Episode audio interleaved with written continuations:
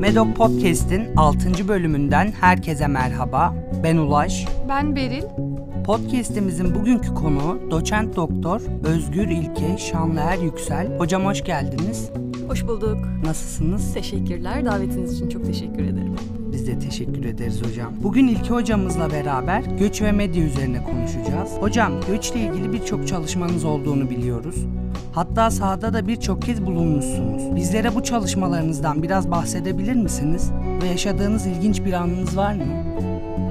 Ee, şimdi saha çalışmalarından ya da araştırmalarımdan genel olarak bahsederek başlayayım isterseniz. 2008'de doktora tezimi tamamladım.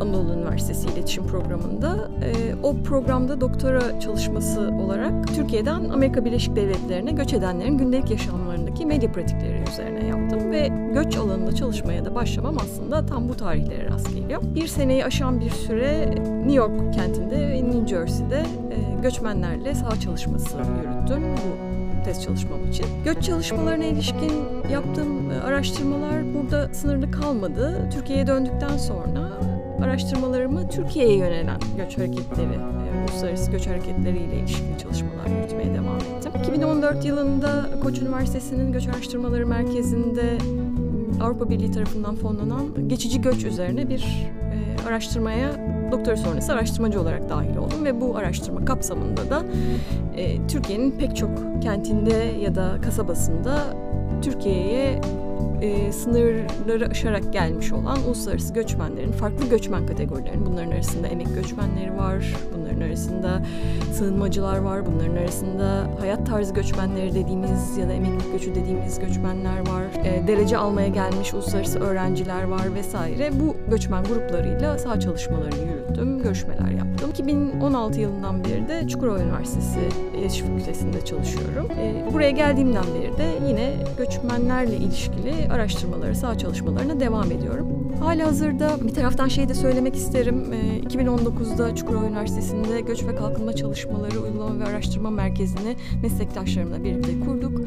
Halen de bu merkezde göç üzerine araştırma yapmak üzere, göç temalı araştırmaları sürdürmek üzere faaliyetlerimizi devam ettiriyoruz. Bunun dışında Topological Atlas isimli bir e, sınır uzamını anlamaya çalışan, Asya'dan Türkiye üzerinden Avrupa'ya geçişi anlamaya çalışan ama bunu göçmenlerin gözünden anlamaya çalışan ve göçmenlerin deneyimlerini dekolonize edilmiş haritalarla aktarmaya çalışan, yeni bir görselleştirme metodolojisi geliştirmeye çalışan bir atlas çıktısı atlas olacak bir e, araştırma projesinin içerisinde eş araştırmacı olarak çalışıyorum. Ve bu araştırmanın da önemli bir saha çalışması İran-Türkiye sınırında gerçekleşti. Saha çalışmasını yaptığım yerlerden de biri burası. İran-Türkiye sınırı Van ile kapsamında yaptığımız çalışma. E, Çaldıran, Saray, Başkale ilçelerinde, e, Özalp ilçelerinde yürüttüğümüz bir çalışma. İşte Kadıköy sınır kapısı vesaire ziyaret ettiğimiz bir çalışma. Şeyi sormuştunuz sorunuzun ikinci kısmında yani bir e, anınız var mı gibi bir ilginç bir anınız var mı diye sormuştunuz. Aslında hani ilginç anı hemen siz sorunca aklıma gelmedi ama sanırım şunu söylemek isterim. E, şey çok enteresan geldi son saha çalışmasında özellikle bu e, Türkiye-İran sahasını yaptığımızda, sınır sahasını yaptığımızda sınırda görevli işte kolluk kuvvetlerinin ya da sınır kapısında çalışanların neler deneyimlediklerini aktarma konusunda inanılmaz açık olmaları ve bunu anlatmaya çalışmaları, aktarmaya çalışmaları çok enteresan gelmişti. Genelde bu tür meseleler biraz e, iç güvenlik meselesi ya da dış güvenlik meselesi olarak görülür ve hani çok aktarılmaz. Burada da çok altını çizdikleri mesele bakın biz burada yaptıklarımızı Avrupa Birliği'ne göstermek istiyoruz mesajı vardı. Açıkça da söylenmişti bu. Bunun temel sebebi de e, göçmenleri e, hem Avrupa Birliği'nin hem Türkiye'nin araçsallaştırarak Türkiye'de tutması, tutmaya, e, Türkiye'de kalmalarını sağlamaya çalışmak üzere yaptırdıkları, yaptıkları çeşitli enstrümanlar var. Finansal enstrümanlar var, daha politik enstrümanlar var. E, ve bu finansal enstrümanlar arasında hep söz edilen işte 6 milyar euro gibi bir finansal katkı sağlamıştı Avrupa Birliği. Tam da bunu hani Avrupa Birliği bu parayı veriyor ama biz de bakın bunu o parayın karşında bunları yapıyoruz gibi gösterme çabası benim için önemli bir deneyimdi. Hani belki bir ilginç anı değil ama en azından ilginç bir veri olarak paylaşmak isterim sizlerle. Kesinlikle öyle hocam. Çok teşekkür ediyoruz. Yeni medyada hatta kimi zaman geleneksel medyada da dezenforme edilmiş birçok haber görülmektedir. Bu haberlerin insanlar üzerindeki göçmen karşıtlığına olan etkisi üzerine neler söylemek istersiniz? Ve bunun önüne geçebilmek için yapılması gerekenler sizce nelerdir? Kişisel olarak aslında haberlerde göçmenlerin nasıl temsil edildiği meselesini e, hiç araştırmadım. E, araştırmalarımın arasında değil ama Türkiye'de çokça yapılan bir araştırma bu. Sadece Türkiye'de değil, Kuzey Amerika'da, işte Avrupa'da vesairede, Avrupa ülkelerinde de yapılan bir e, araştırma türü, araştırma stratejisi. Ve Türkiye'deki araştırmaların bulgularından birazcık söz edecek olursam, göçmenler çoğunlukla haberlerde ya kriminalize edilerek ya da işte mağdur söylemin içerisinde temsil ediliyorlar. Açıkçası ne geleneksel medyanın ne de yeni medyanın iyi bir sınav verdiğini söylememiz mümkün değil göçmenler konusunda. Tabii bu çok katmanlı bir mesele. Yani sadece medya, yani medya dediğimizde de geleneksel medya dediğimizde belirli bir ekonomi politik yapısı var. Yeni medyanın da öyle tabii ki bir ekonomi politik yapısı var ama yeni medyada özellikle sosyal medyada kullanıcıların da içerik ürettiğini düşünecek olursak hani kullanıcıların kendilerinin de bu e, dezenformasyon ya da hakikat sonrası dönemde üretilen e, yanlış bilgilerin yayılmasında çok büyük etkisi var ve bu etki e, bir e, çığ etkisi şeklinde geliyor. Yani kar topuyla başlayıp ardından bir çığa dönüşüyor. Fakat dediğim gibi çok katmanlı bir mesele. Sadece medyanın neyi ürettiği ve toplumsal olarak etkilediği gibi bir e, liberal yaklaşımın doğru olduğunu düşünmüyorum. Aslında toplumsal alanın içerisinde, toplumsal alanın içerisinde siyasetin de, kültürün de göçmen karşıtlığıyla yani bizden olmayan ötekine karşı inşa edilmiş bir karşıtlık anlayışı içerisinde medyayı da beslediğini düşünüyorum. Karşılıklı bir besleme süreci var. Dolayısıyla içselleştirilmiş bir tahakküm ilişkisinin yansıması olduğunu düşünüyorum bu anlamda. Sorunun ikinci kısmında neyi sormuştunuz pardon hatırlayamadım. Bunun önüne geçebilmek için yapılması gerekenler sizce nelerdir? Ee, önüne geçmek ne kadar mümkün aslında çok emin değilim. Yani her şeyden önemlisi çok liberal bir anlayışla bir kere e, medya metinlerinin göçmen hakları odaklı bir içeriğe sahip olması gerektiğini düşünüyorum. Yani böyle bir habercilik anlayışının olması gerektiğini düşünüyorum. Ha bu arada iyi örnekler yok. Tabii iyi örnekler de var yani onları atlamayalım ama çok az sayıda iyi örnekler var. Ama Biraz önce söylediğim gibi bu mesele sadece medyanın meselesi değil ya da medyayı toplumsal alandan toplumsal olandan tamamen ayırmak mümkün değil. Dolayısıyla toplumun içerisinde özellikle e, siyasetin, aktif siyasetin hangi taraf olursa olsun, hükümetin ya da e, muhalefetin tüm tarafların bu meselede göçmenleri birer piyon olarak, siyasi araç olarak kullanmasının bir e, dezavantajlı duruma dönüştüğünü ve dolayısıyla göçmenlerin inanılmaz derecede araçsallaştırıldığını düşünüyorum.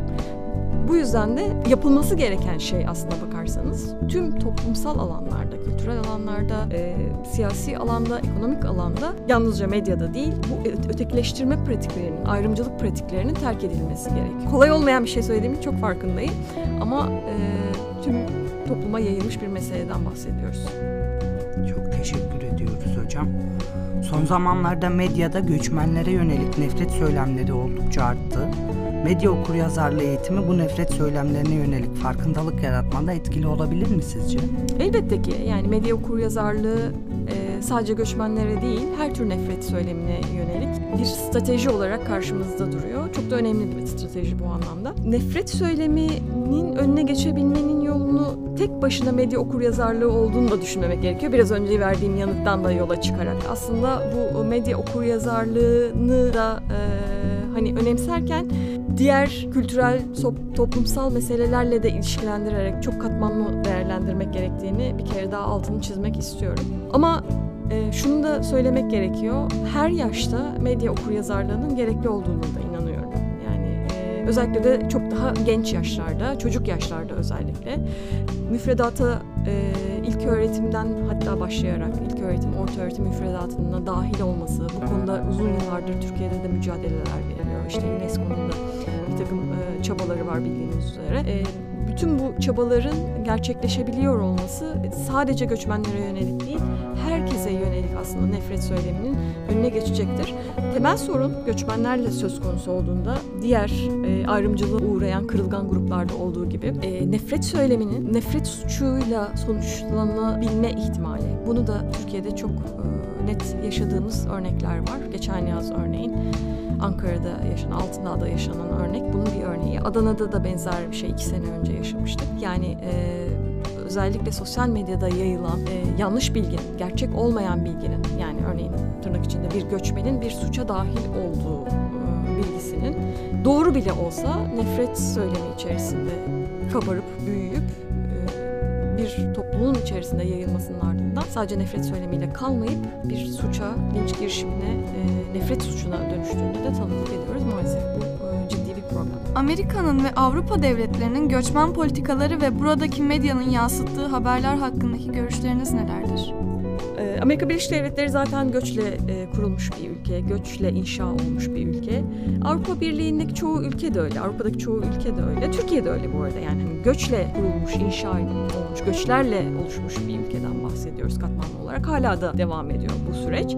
E, bugün Avrupa'da çok belirgin işte Ukrayna-Rusya savaşı nedeniyle yoğun bir e, Ukraynalı mülteci hareketliliği var, sığınmacı hareketliliği var Avrupa içerisinde de. Amerika Birleşik Devletleri'nin özellikle Güney Amerika'dan yani dünyanın her tarafından var e, yerleşik göçmenler e, ya da e, başka uluslardan gelmiş diyelim. Ama hala devam eden Güney Amerika'dan sınır ötesi hareketliliğin e, geçişin devam ettiğini biliyoruz. Bu kadar göçle yoğrulmasına rağmen göçü kapsayıcı bir toplumsal olgu olarak görmektense genellikle hani göçmeni dışarıda tutan politikalar üretme konusunda hala ısrarcı. Türkiye de dahil buna yani hani e, Amerika Birleşik Devletleri de Avrupa ülkeleri de buna dahil. Zaman zaman daha kapsayıcı politikalar üretiyorlar. Özellikle sosyal demokrat yönetim, yönetimler döneminde, hükümetler döneminde Avrupa Birliği ülkelerinde entegrasyonu destekleyen ki entegrasyon kelimesinin de biraz problemli bir mesele olduğunu ve kelimenin de problemli olduğunu düşünüyorum ama e, bunu destekleyen politikalar üretilme, üretiliyor. E, ama özellikle yükselen sağ e, nedeniyle Avrupa'da da e, sağ popülizm nedeniyle